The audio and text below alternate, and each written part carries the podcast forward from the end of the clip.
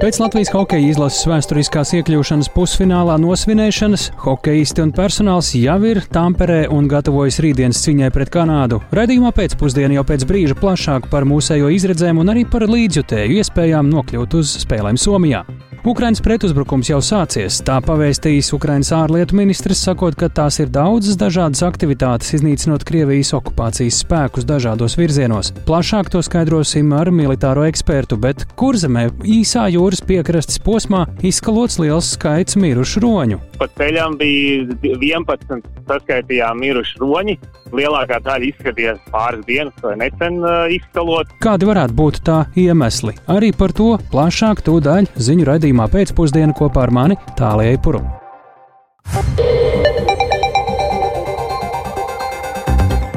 Pūkstens ir 16,5 minūtes. Piektdienas pēcpusdienā ziņu programma pēcpusdienā. Skaidrojot šodienas svarīgus notikumus, studijā Tālis Eipurs. Labdien!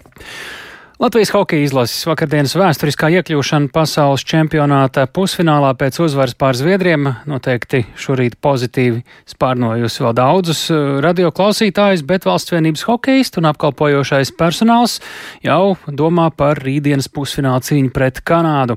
Pusceļā uz Somijas pilsētu Tamperi, kur šai cīņai ir jānotiek, šodien ir arī Latvijas radio sporta žurnālisti Māris Bergs un Mārtiņš Kļavenīgs, un šobrīd esam sazinājušies ar Mārtiņu, kuram to daļu vajadzētu kāpt uz prāmja Tallinas ostā. Cik tālu ir izdevies tikt, to pajautāsim vēlāk. Sāksim ar hokeju. Sveiks, Mārtiņ! Sveiks, tāls veicināt klausītājiem. Nu, droši vien, ka klausītājiem vairāk interesē, cik tālu ir hokejisti šobrīd tikuši. Kas par to ir zināms? Jā, nu, hokeistiem vajadzētu būt jau sasniegušiem Tamperi, un šovakar pusseptiņos vakarā viņiem jau pirmo reizi jākāpj pēc gada pārtraukuma, varētu pat tā teikt, uz Nokia arēnas ledus, jo pirms gada tur norisinājās pasaules čempionāts, un arī uh, ap uh, šīm pašām maija dienām Latvijas izlases noslēdza savu uh, startu tā gada pasaules čempionātā, bet jā, šobrīd jau uh, starta gatavība pirmajām treniņam, kas būs visticamāk pilnvērtīgs. Šobrīd, eh, ko mēs varam teikt, eh, pa ceļam tev ir bijis laika pārdomāt nianses, droši vien pārunāt ar kolēģiem. Eh, cik augstu mēs varam vērtēt Latvijas komandas izredzes rīt sagādāt vēl vienu vēsturisku sensāciju, ņemot vērā, ka pasaules čempionāta pirmajā spēlē mūsējie tomēr zaudēja Kanādai 0-6. Es gan te pieliktu klāt vēl arī, ka mēs uzvarējām Šveici, kas, pēc, kas uzvarēja kanādiešus, un arī Kazahstānu. Ar to tikām labāk galā nekā kanādieši, un kas tur bija kanādieši, norvēģiem, ar tur grūti gāja. Kā, Ko, ko tu sacītu? Ja nu, redz, tālāk, ja varētu tā saskaitīt un atņemt eh, dažādus, dažādus spēļu rezultātus un tā izanalizēt, eh, kāds būs gaidāmais spēles rezultāts, tad būtu, jā, tad būtu ļoti vienkārši. Mēs visi būtu eksperti un zinātu, kāds būs iznākums, bet tā jau ir tā sporta burvība, ka tas nav paredzams un arī gala iznākums nav paredzams. Un es teiktu tā, jā, 0 pret 6 pirmajā spēlē, bet tā tomēr bija tāda mandrāžas pārņemta Latvijas hokeja izlase, kas toreiz gāja laukumā pret kanādiešiem. Šī būs pavisam citāda spēle. Un, nu, ja pirms Latvijas-Zviedrijas mača es teicu, ka man ir labs priekšnojauts, tad tās nav nekur pazudušas arī pirms rītdienas spēles pret Kanādu. Es domāju, ja Latvijas Hokeja valsts vienība ir uzlēkusi tik augstu, tad kādēļ tas lēciens neturpinātos vēl uz kādiem augstākiem plauktiem? Nu, tā, es pareizi rēķinu, ka Latvijai divas spēles šajā čempionātā ir jebkurā gadījumā. Ja uzvaram Kanādu, ir pilnīgi skaidrs. Fināls, ja zaudējam, tad.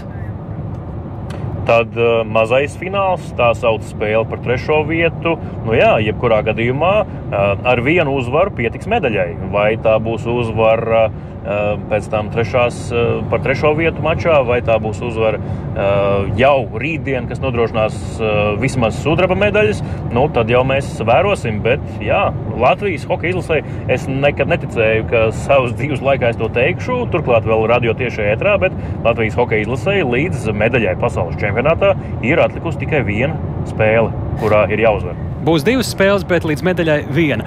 Cik tālu jūs Jā. paši šobrīd esat tikuši? Es to vaicāju, varbūt piedod ne tik daudz interesējoties, kā tev un Mārim Bergam klājas, bet uh, ko līdzutējiem varētu nozīmēt šāda došanās ceļā?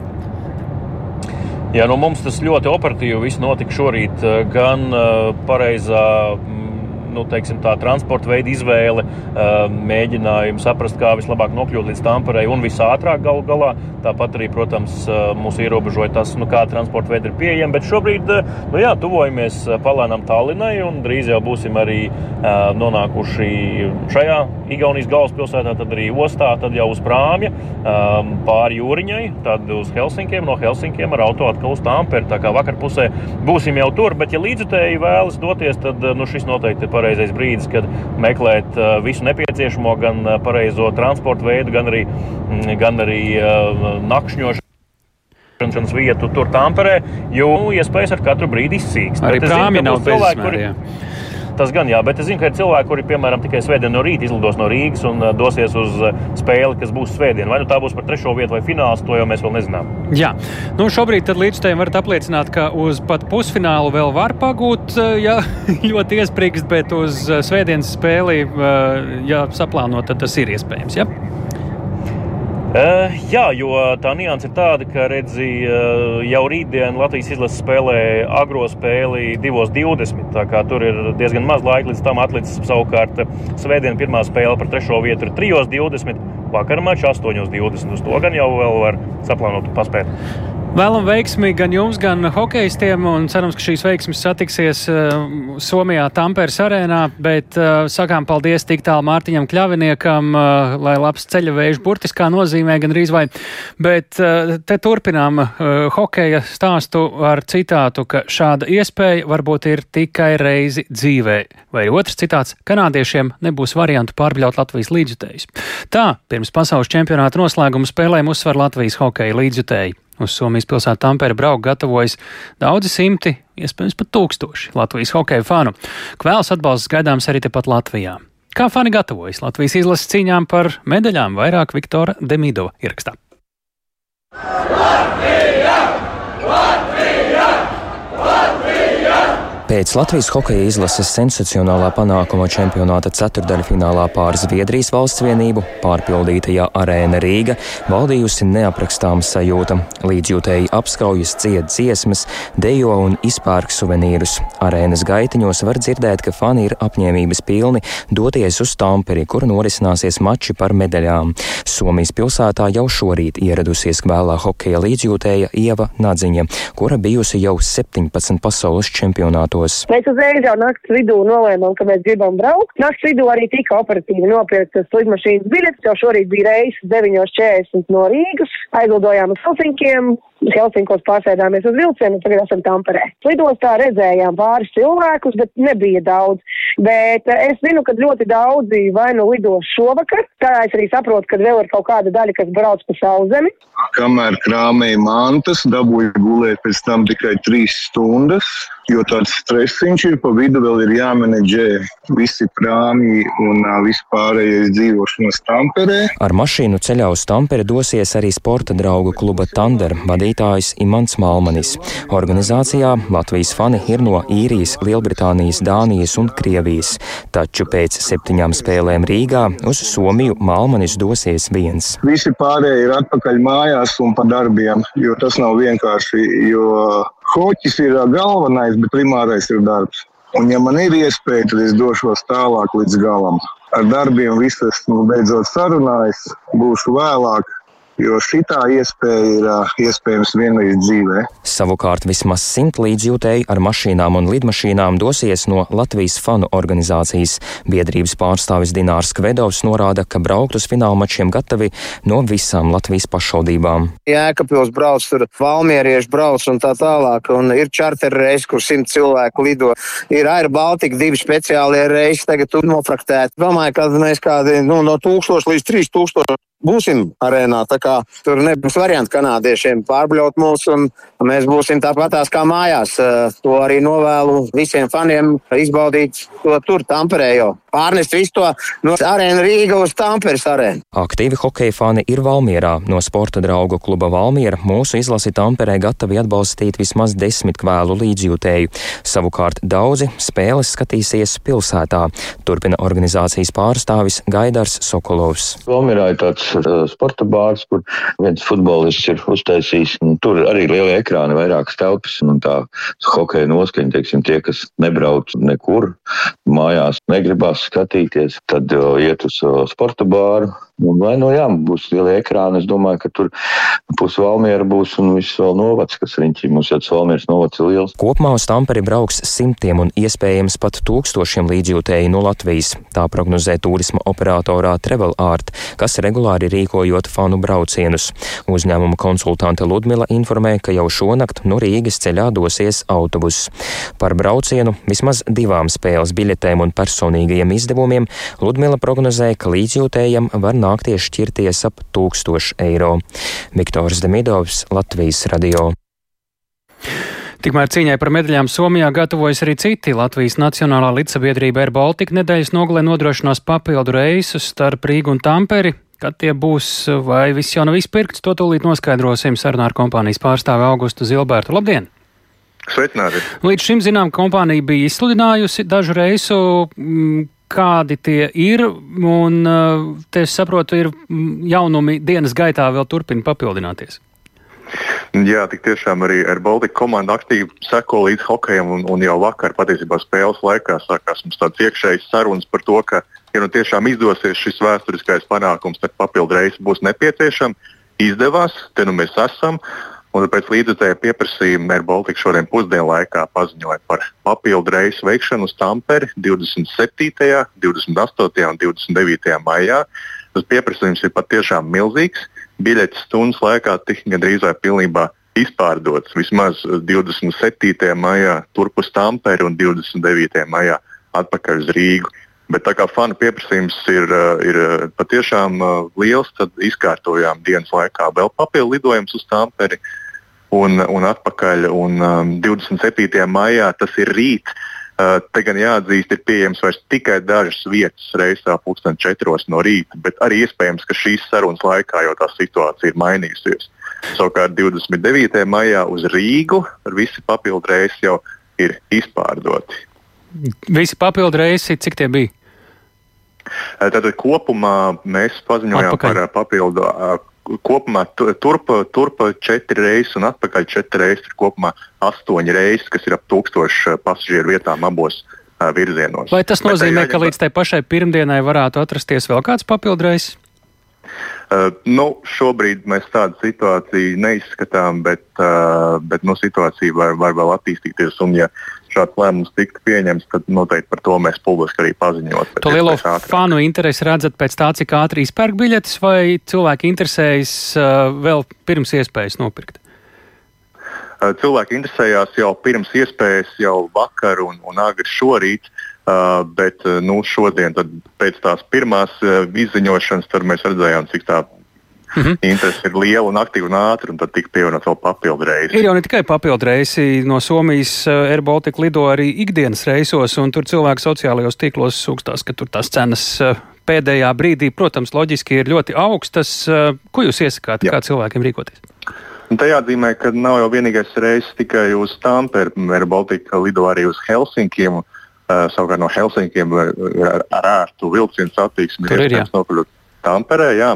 Uh, bet, uh, bet, protams, jā, nu šīs uh, papildu reizes cenas mēs rūpējamies, lai tās būtu demokrātiskas. Vienā virzienā 75 eiro, atpakaļ, turp atpakaļ 139. Protams, ka var gadīties, ka cilvēki ir nopirkuši atpakaļ biļetes uz kādu reizi citā dienā. Tad tās, protams, kā regulārā reizes ietvaros būs, būs dārgākas. Ar to ir jārēķinās.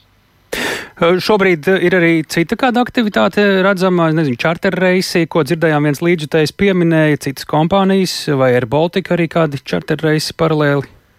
Nu, mēs neesam par citām kompānijām šādu papildu piedāvājumu novērojuši, līdz ar to tas gandarījums ir, ir, ka varam vienīgie šajā reģionā piedāvāt saviem faniem šādu iespēju. Bija rīta pusē informācija, ka Latvijas Hokeja federācija nodrošina čarter reisus, bet tas ir faktiski arī vienīgais. Liels paldies par sarunu. To mēs sākām Nacionālās avio sabiedrības līdzsabiedrības pārstāvim Augustam Zilbertam un uh, hokeja tematiku šādos apstākļos, kādi mums ir pat labi, un mēs joprojām uzskatām par svarīgu turpināt, proti, izvērtēt, kur tad mēs esam, kāpēc mēs esam, eh, runājot par iekļūšanu. Pusfinālā visi apstākļi vakar bija labvēlīgi, lai pasaules čempionāta ceturdaļfinālā Latvijas izlase varētu pieveikt Zviedriju. Mūsu hokeisti spēlēdami saliedēti un koncentrēti, prata šo iespēju izmantot. Tā izsakās vairāk aptaujātie hokeja pārzinātāji. Plašāk Zānes Eniņas ierakstā. Prieks un pārdzīvojums, bet, protams, nevarēju iztikt arī bez spēles analīzes. Tā sazvanīts dzīves vietā Nīderlandē, telefona sarunā savas izjūtas pēc vakardienas mača raksturoja kādreizējais Latvijas hokeja izlases centra uzbrucējs Jānis Sprukts. Centos tā kā runāt un pats pie sevis vārīties, ko darīt, ko nedarīt. Tas vairāk tāds, protams, profesionālais rupsego kretīnisms, bet, nu, mēs hokeisti tādā veidā pārdzīvojam. Kopsumā izskatījās ļoti labi tā spēle, lai gan var teikt, protams, ka mēs nebijām favorīti un mēs nevadījām to spēli no tāda viedokļa, bet mēs ieķērāmies. Tādīs brīžos, kur vajag ieķerties, nedavām zviedriem izpausties. Tas bija brīnums, kas vakar notika. Čaļi cīnījās par katru ledus laukuma centimetru.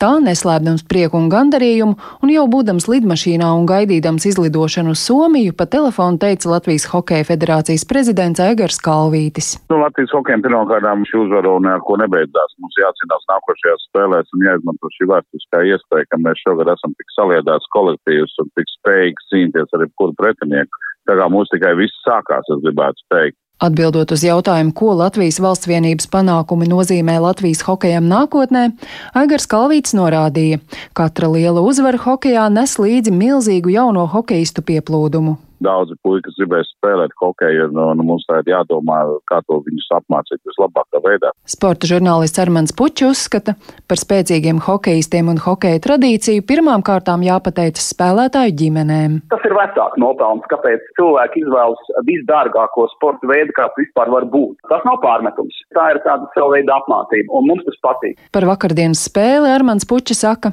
labvēlīgu apstākļu sakritība cauri laikiem izšķirīgās spēlēs bijusi arī agrāk vairāk, taču spēlētāji to nav izmantojuši. Šoreiz gan noticis pretējais.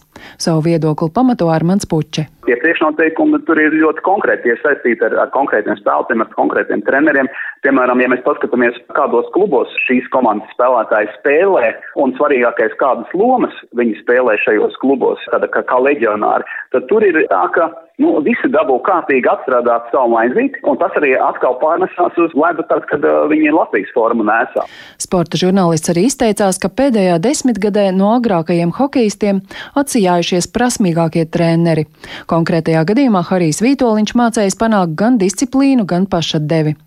Par Vītoliņu atzinīgus vārdus saka arī agrākais Hokeja federācijas prezidents Kirovs Lipmans. Ziniet, kas man patīk Vītoliņu?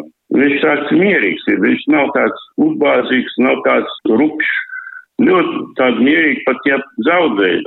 Man tas bija ļoti pēc sirds. Ne bez emocijām vīriešu hokeja izlases panākumiem sekojušas arī kolēģis sieviešu hokejā, vienlaikus saglabājot profesionālu skatījumu uz spēles gaitu. Turpina sieviešu U-18 hokeja izlases galvenā trenera asistente Laila Dekmējere Trigūbova. Tā uzvara, tās emocijas, nu, godīgi teikšu, es pat apraudājos, jo, nu, tas tāds vēsturisks notikums un tiešām puiši visi malači. Nu, es uzteiktu, pirmkārt, izcilu komandas sniegumu, jā, varēja redzēt, ka tiešām, nu, tas, tas mērķis ir tāds, ka visi ir fokusējušies aizsardzībā, vienkārši tāda konsekventa spēle bez kaut kādām lielām kļūdām. Trenere, kura tieši pašlaik veido jaunu meiteņu hokeja komandu, pauda cerību, ka vīriešu izlases panākumi pasaules čempionātā pastiprinās bērnu un jauniešu interesi arī par sieviešu hokeju. Zana Eniņa, Latvijas radio. Tikmēr dažādi pārmaiņu veidi Latvijas centrālajā sporta organizācijā, Latvijas Olimpiskajā komitejā Tā šodien ģenerālās asamblējas ārkārtas uh, sanāksmē neusticības balsojumu tur ir izturējis Kārlis Lēnieks, saglabājot uh, Loka ģenerālsekretāra amatu. Par Lēnieku atsaukšanu no amata nobalsoja 39 biedri, pret bija 55. Kā zināms, pēc aizdomām par interešu konfliktu par atkāpšanos no Loka prezidenta amata nesen paziņoja Žoržs Tikmers, un nākamais jautājums bija arī par Lēnieku turpmāko darbību. Par notikumiem šīs dienas asamblējā gatavs pastāstīt Reinis Grūns Peņķis. Lūdzu, Reini! Jā, sveiks tāli, sveicināt klausītāji. Jā, nu šis bija galvenais jautājums šodienas Loka ārkārtas asamblējā. Kā parasti debatēs uzstājās daudz runātāju un izskatījās, ka lielākā daļa no viņiem arī bija tieši lēnieku pusē, un tas arī atspoguļojās šajā balsojumā. Varētu gan teikt, ka tas bija mazliet negaidīti, jo tomēr publiskajā telpā un daudzos medijos daudz plašāk bija dzirdams tieši Loka vadības pretinieku viedoklis. Pats balsojums tieši šajā jautājumā bija aizklāts, atšķirībā no visiem pārējiem, un asamblējas sākumā to arī akceptēja gandrīz visi klātienē esošie logu biedri, lai gan par to arī bija nelielas diskusijas. Mazu fragmentu no šīm debatēm arī varēsim paklausīties. Jau pats pirmais runātājs arī bija viens no spilgtākajiem tieši lēnieku pretinieku pusē, proti windsurfinga pārstāvis Normons Barīnaus. Viņš atklāti teica, ka Olimpiskās komitejas nu jau bijušais prezidents Žoržs Tikmers piedāvājis 5000 eiro windsurfinga federācijai, kurai vajadzēja tikai uztaisīt projektu. Kāda tad izvērtās komunikācija starp viņu un Latvijas Olimpisko komiteju, stāsta pats Normons Barīnaus. Iesniedzu, izkoriģējam, gaidu līguma izmaiņas, Kārlis Zvans. Es skatos, un droši vien līgums atnāks tūlītās. Tu zini, Norče, ja es tev iedošu tagad naudu, var nepareizi saprast. Mums taču ir vēlēšanas tūlītās. Bet, ja es palikšu amatā, es tev pēc tam iedošu ar atpakaļējošu datumu. Un saprotu, un tad man ir tāds jautājums, Kārli, kāda atpakaļējoša datuma? Tad jums šeit tā notiek tajā vadībā. Ja? Un tad naudu iedeva, ja tik cik mēs vienojāmies, līgums ir viss forši. Ja. Vakar ja. zvans no Kārļa. A, kāpēc mēs neuztaisījām to zūmu? Mēs taču tur bijām sarunājuši. Es teicu, nu, sorry, mēs tagad preses relīzi sagatavosim, visu, protams, pateiksim, un visu. Bet tas jau ir pavēlu, rītā ir asamblēja. Pavēlu kam? Mums sacensības ir 30. maijā tikai. Jā, tālāk windsurfinga pārstāvis Normons Barīnaus pats Kārs Lēnieks gan atzina uzreiz pēc šīs uzrunas, ka šajā stāstījumā ir bijuši sagrozīti fakti, taču viņš neminēja konkrēti, kas tad neatbilst patiesībai. Jā, kas tad gaidāms turpinājumā, kad varētu tikt ievēlēts arī Loka prezidents, par ko varētu te būt runa? Jā, nu pēc ilgām diskusijām tika pieņemts, ka nākamā ārkārtas asambleja, kurā arī būs paredzētas prezidenta vēlēšanas, notiks 11. jūlijā. Līdz tam brīdim valde joprojām paliks tikai ar vienu cilvēku, tātad Leinieku. Četras nedēļas pirms vēlēšana sesijas sākuma ir jābūt izvirzītiem kandidātiem. Tas nozīmē, ka logu biedriem šobrīd ir divas ar pus nedēļas laika, lai izvirzītu prezidenta amata kandidātus. Tagad varam paklausīties, ko savā uzrunā teica arī pats Leinieks. Es piekrītu tam, ka komunikāciju vienmēr var uzlabot. Jā, komunikācija ir svarīga. Jūs ieklausāties organizācijā, mēs ieklausāmies savos biedros. Nu, lai man atvaino opozīcija, bet uh, tāda pienākuma izpildītāja bez satura šobrīd es neredzu. Ja ir konkrēti kandidāti, kas redz un ir gatavi darīt labāk un vairāk, noteikti. Mums ir tekošie darbi, kas saucās kā Eiropas spēles, Eiropas jaunatnes festivāls, kur ir ļoti nozīmīgas lietas, lai mēs nepieļautu šo startu neiespējamību. Jā, vēl pieminēšu vien to, ka kopējā gaisotne šajā ārkārtas asamblējā bija diezgan haotiska. Pagāja vesela stunda, līdz vispār tika apstiprināta darba kārtība.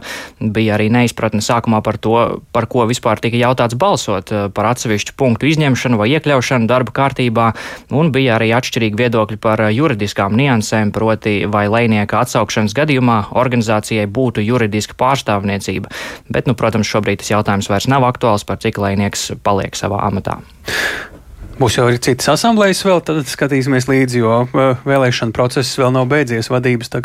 Paldies, sakām Reinim Grunsteņķim, un par sportu šoreiz raidījumā pēcpusdiena tas viss. Ir arī citi notikumi - Ukrainas pretuzbrukums jau ir sācies. Tā ir pavēstījis Ukrainas ārlietu ministrs Mihailo Podoļaks sociālajā tīklā Twitter. Viņš gan uzreiz precizē, ka tas nav viens notikums, kas sācies noteiktā stundā vai dienā ar, piemēram, lentītes pārgriešanu. Tās ir daudzas dažādas aktivitātes, iznīcinot Krievijas okupācijas spēkus dažādos virzienos. Tās ir notikušas gan Vakar, gan šodien turpināsies rīt, un kā uzsver Podaļoks, tāda intensīva ienaidnieka infrastruktūras iznīcināšana arī ir pretuzbrukums. Ko tieši tas nozīmē? Esam sazinājušies ar Zemesardzes štāba virsnieku majoru Jānis Laidiņu. Labdien!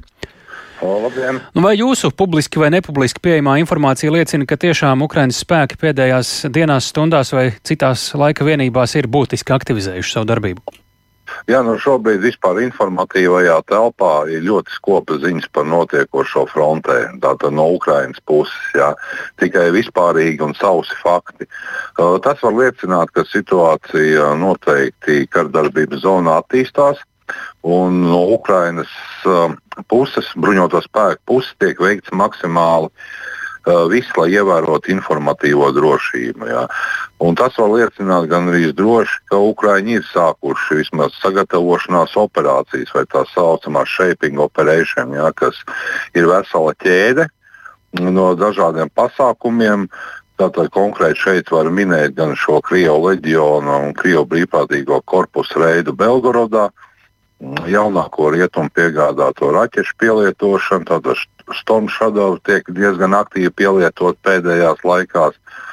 Tāpat var minēt par Krievu aviācijas ievilināšanu Lamatās, eh, Brānskas apgabalā, kur Krievi vienā dienā zaudēja četrus vai pat piecus lidaparātus. Ja. Es domāju, ka tā ir daļa no šīm operācijām. Un arī Ukraiņas galvenā izlūkošanas pārvalde aicināja neskiet ratiem pa priekšu, tā komentējot šo Ukraiņas uh, prezidenta padomnieku Padoļaku teikto, ka uzbrukums jau rīt vairākas dienas. Un šeit visticamāk pagaidām mēs nevarēsim redzēt tādus izrāvienus kā pierast uzbrukumā, kā to darīja Krievi pagājušajā gadā iebrukot vai sākot savas operācijas pret um, pilsētām. Ja.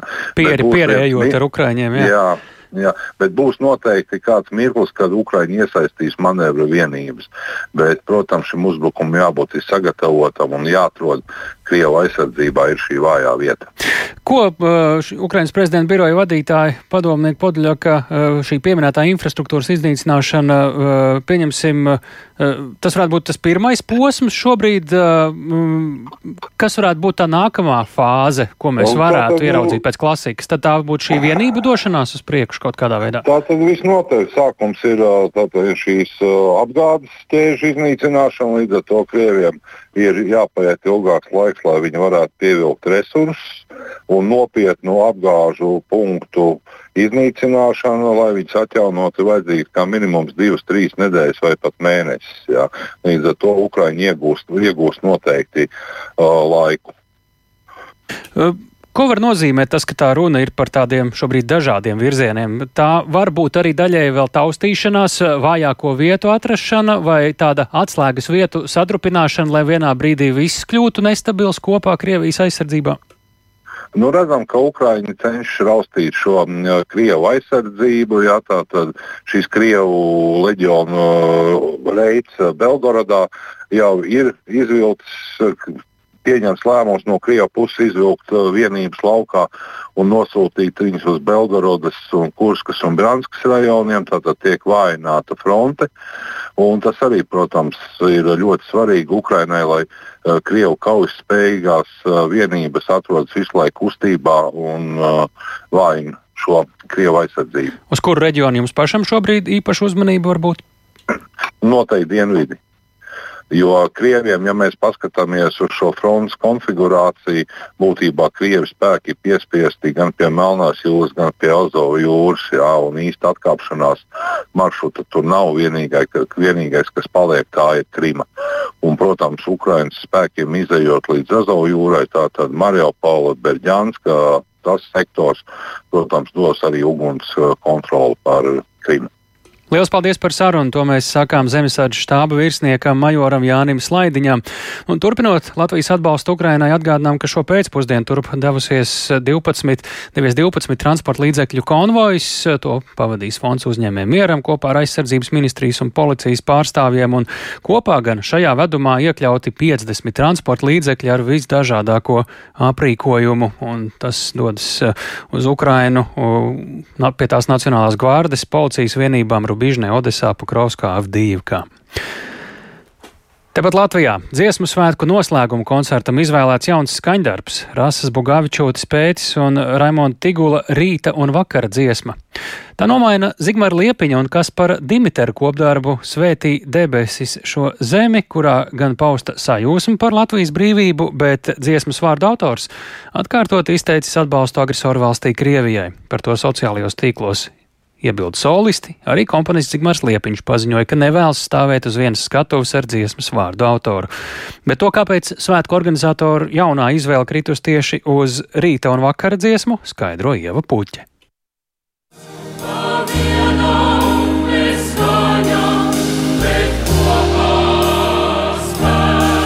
Rasas Bugavičutes pēcis un Raimonda Tigula rīta un vakara dziesma jau vienreiz pielika emocionālu punktu vēsturiskā muzikālā notikumā.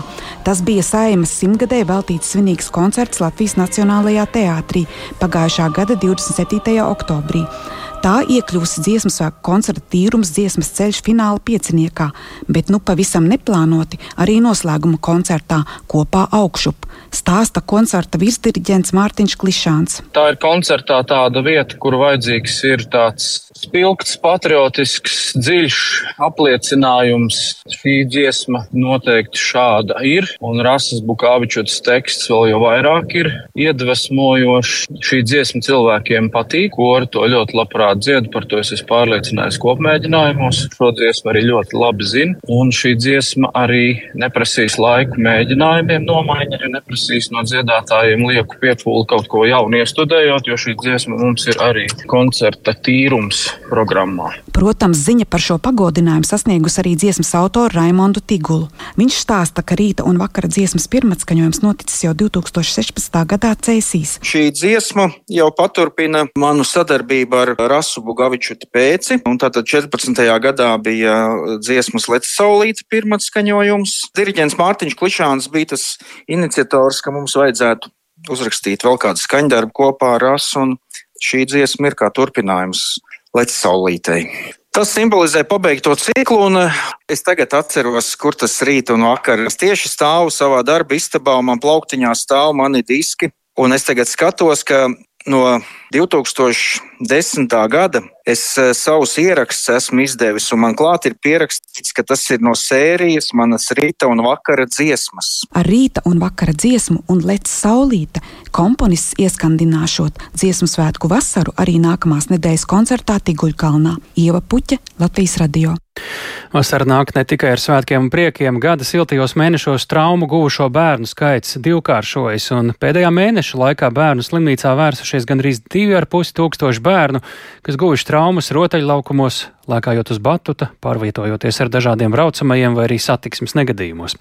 Speciālisti tāpēc aicina vecākus un bērnus ievērot drošības pasākumus. Par to, kādas ir biežākās traumas, ko bērni gūst atpūšoties, sportojot ārā, un kādi drošības pasākumi ir ieteicami, lai no tām izvairītos. Agnijas Lāsdiņas ieraksts.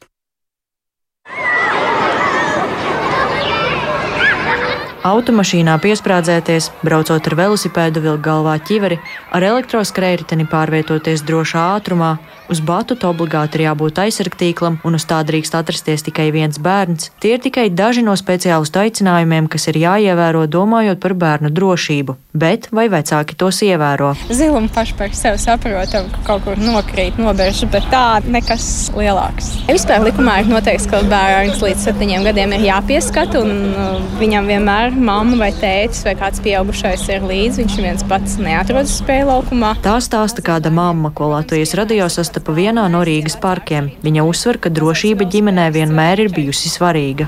Man nav batuts mājās, uz tā bez pieaugušā uzraudzības arī nelaiž. Un tad, kad viņš brauc ar riteni, viņam ir ķivera, un mēs skatāmies, un mēs esam pārunājuši ar viņu drošības noteikumus. Plus ir bērnam apdrošināšana, ja kaut kas gadās. Es viņu pieskatu vienkārši un skatos. Es nezinu, cik kādas citas drošības pasākumus var veikt vēl. Kā stāsta Bērnu Kliniskās Universitātes slimnīcas bērnu ķirurgs Timurs Zurmutai, līdz ar silta laika iestāšanos dubultojies bērnu skaits, kas vienā dienā ar traumām nonāk slimnīcas uzņemšanas nodaļā. Ja šī gada pirmajos mēnešos pēc palīdzības vērsās aptuveni 50 bērni, tad māja trešajā nedēļā tie bija jau aptuveni 100 bērni dienā. Biežākās traumas ir kritieni, braucot velosipēdiem, skūteriem, patutos, spēļu laukumos. Bērni arī biežāk cieš ceļu satiksmes negadījumos. Lielāka daļa pacientus gūst sasitumus, kuri neprasa nekādu sarežģītu ķirurģisku palīdzību, bet, protams, vienmēr arī gadās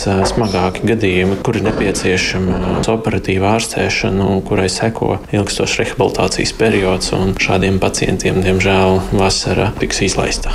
Patērētāju tiesību aizsardzības centra patēriņa preču uzraudzības daļas vadītāja Līga Kauliņa uzsver, ka svarīgi ir iegādāties arī pareizo aizsargu ekipējumu. Ir izvēlēties atbilstošu izmēru, tā pati ķivere, lai viņa, ja viņa būs pa lielu, viņa nekalpos, nenodrošinās aizsardzību. Tāpat arī ievērot arī noteikumus, ko ražotājs paredzējis. Nu, protams, arī nolietoti un bojāti individuālās aizsardzības līdzekļi arī var nesniegt vēlamo drošību. Arī ceļu satiksmes drošības direkcijas komunikācijas komunikācijas departamenta vadītāja Ilza Šipkevics atgādina par dažādu priekšnoteikumu ievērošanu, kā zināt ceļu satiksmes noteikumus, izmantot drošības aizsarglīdzekļus un vienkārši būt uzmanīgam piedaloties ceļu satiksmē. Jāšķērso iela noteiktās atļautās vietās. Šī ķīveres lietošana līdz 12 gadiem ir obligāta. Tātad sprādzēšanās mašīnā arī ir obligāta. Tā nav tāda sankcija, tas ir vienkārši paša drošībai un sirdsmieram. Tās ir tās drošības lietas, kuras ir visi visu mūsu interesēs ievērot. Speciālisti uzsver, arī vecākiem ir jārāda piemērs un jāievēro drošība, lai to darītu arī bērns.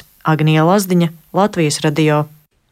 Nu, par kādu savādu gadījumu īsā jūras posma, piekrastes posmā izskalots liels skaits mirušu roņu. Ar tādu novērojumu šodien ar mums dalījās acu liecinieks un arī basketbola treneris Artūrs Visotskis Rubenis.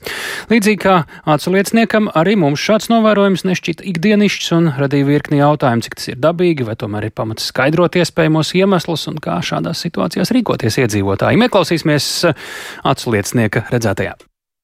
Mēs ar sievu devāmies pārgājienā no Nīdas līdz Liepājai, un posms arī vakar mēs veicām no Nīdas līdz Jūrmalciemam. Tie kā 25 km pa ceļam bija 11 saskaitījām miruši roņi. Lielākā daļa izskatījās pāris dienas vai nesen uh, izskaloti. Nu, daži bija arī nu, izskatījās nedaudz ilgāk. No tiem 11 arī viens bija mazulis izskatījās. Nevarējām saprast, vai tas ir normāli vai nē. Mūsu prāt nebija. Tāpēc mēs padevām ziņu Tomam Brīsim. Viens izskatījās mazos, tad pārsvarā tie ir pieauguši pēc skata. Ja? Jā, 10 no 11 bija pieauguši roņi. Visā tajā 25 km posmā vai kaut kādā īsākā posmiņā? Nebija tā vienkops. Nu tā, ik pa kādiem diviem kilometriem, ik pa vienam, citi bija varbūt nedaudz pat tiešāk. Tur pieņemsim viens posms bija, kur trīs praktiski nu, ne jau kopā, bet nu, ļoti tuvu vienam viens otram. Tad kāds posms bija, kur nebija kopā savācās 11. Tāpēc arī bija interesanti saprast, jā, vai tas ir uh, ierasta lieta vai nē. Tas nav mūsu ikdienas pārgājiens. Mēs ejam līdz Liepājai. Un interesanti arī tas, ka šajā posmā, otrās dienas posmā no jūrmalciem uh, līdz Liepājai, tagad mēs neesam nevienu roni atkal miruši redzējuši. Viņi ir tā tieši pie krasta ūdens līnijas, ja? Tieši tā pie krasta ūdens līnijas. Cits vēl ir ūdenī un vāļājās. Līdz ar to izskatās, ka tikko ja tas bijis. Un nu, pāris bija arī jau nu, bišķiņ krastā tur pāris dienas jau stāvējuši. Kā izskatījās? Viņi tur jau sen varētu būt miruši, vai tas kaut kas tiešām svaigs izskatījās, smaka, nesmaka? Nē, nu tie, kas bija ūdenī, tie izskatījās diezgan nu, nesen. Man grūti pateikt, ne, nu, ka dzīvniekiem tik daudz saistīts un nevar nu, nolasīt, cik tas ir ilgi, bet nu, izskatījās, ja viņš ir ūdenī un vāļājās, tad jau tas ir bijis nesen. Bet, nu, No tiem 11, kādi trīs bija, kas jau bija izcelot krastā, nu tie bija jau, var redzēt, nu, varbūt nedēļu vairāk jau tur stāvējuši. Varbūt. Un tādas kaut kādas dīvainības, nezinu, ievainojuma pēdas vai vēl kaut kas tā, nu, pilnīgi uz aci. Neko tādu nevarēja manīt. Protams, ka tur dzīvnieki jau bija uzklupuši virsū, gan kājas, gan, eh, gan kādi citi, citus bija vairāk pamielojuši, citus mazāk, jā, bet tā, ka tur kaut kas ļoti dīvains būtu, tā, tā nevarētu teikt. Tieši, varētu teikt, ka tieši tas arī bija dīvaini, ka, nu, viņi bija pilnīgi veseli izskatījās, bet, bet miruši. Tā, Artūrs Visotskis Rūbēnis, bet šobrīd pie klausulas pārtiks un veterinārā dienesta veterinārās uzraudzības departamenta direktors vietnieks Edvins Ošēvskis. Labdien! Labdien. No tā, ko dzirdējām, un no tā, kas arī bildēs vai video redzams, ceru jūs paguvāt mūsu nosūtīto redzēt, ko būtu svarīgi speciālistiem saprast, noskaidrot, un vai vispār tur kas ir skaidrojums. Varbūt tas viss ir normāli, nekā dīvaini. Nu, šajā, šajā gadījumā jā, nu, mēs zinām, ka roņi la, laiki, laiku pa laikam tiek izskaloti. Nu, tas gan ir, nu, nav, nav tādā neksim, nu, masveidā, ka tur būtu, būtu tiešām daudz vienu vietu. Un, un, un tas varbūt būtu normāli tieši šajā nu, no pavasara laika.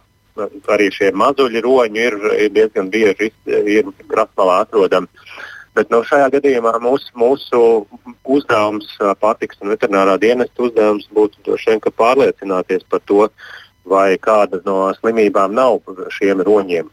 Jo, ja viņi ir nu, salīdzinoši daudzi tādā ierobežotā posmā, no acīm redzot, tur būtu jāpaskatās bišķiņ dziļāk, vai, vai tur nav kādas slimības pazīmes šiem dzīvniekiem. Ir plāns doties turp, jā? Ja?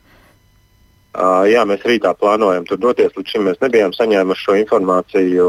Un, un, un, un, jā, jā, ap, apskatīsim situāciju, uh, paskatīsimies kādu no svaigāku paraugu, kur tiešām būtu, būtu arī uh, vērts uztaisīt pilnu sekciju Zinātniskā institūtā Biora Un, un tad jau skatīties, kuras orgānu sistēmas ir skartas, kādi orgāni ir bojāti, un tad attiecīgi lemt jau par to, kādām slimībām varētu būt aizdomas šajā gadījumā. Vai mūsu acu, acu liecinieks rīkojas pareizi, dodot vispār kādam par to ziņu, un kā cilvēkiem rīkoties šādos gadījumos, kad tiešām ir kaut kas tāds, kas nešķiet parasts? Nu, parasti, parasti ja, ja ir izskalots uh, ronis, uh, kurš ir uh, nobeidzies, tad be, par beigtiem dzīvniekiem parasti tā informācija ir jā, jā, jānodod pašvaldībai. Nu, tādi, tādi, tādi gadījumi kā šis, uh, kur, kur tiešām ir uh, vairāki dzīvnieki, nu, vai, vai pat teiksim, mēs varam teikt desmit un vairāk, uh, nu, tas jau, jau rada kaut kādas aizdomas par uh, dzīvnieku saslimšanu.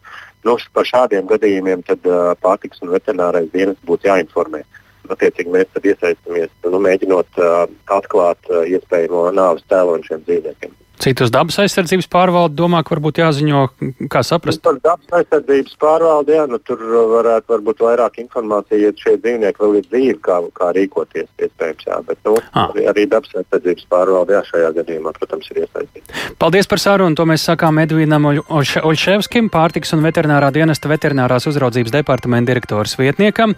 Šis arī viss raidījumā pēcpusdiena. Mēs turamīkšus par mūsu hokeistiem, jo pirmdien, kad mēs tiksimies atkal pēc pēc ziņām, četr, ziņām 4 un 5 minūtēs eh, divas spēles eh, par medaļām pasaules hokeja čempionātā Latvijas izlase jau būs aizvadījusi. Šo raidījumu veidojām mēs Tāls Eipurs, Ilze Agīnta, Renārs Šteimanis, Rita Kārnača, un šo raidījumu, kā visus citus raidījumus pēcpusdienu, varat noklausīties Latvijas radio mobilajā lietotnē, meklējiet dienas ziņas, ielieciet savu īkšķīti, un tad jums atnāks arī paziņojums, ka ir jauns raidījums atkal ienācies. Varēsiet ar to arī dalīties ar citiem. Visu labu!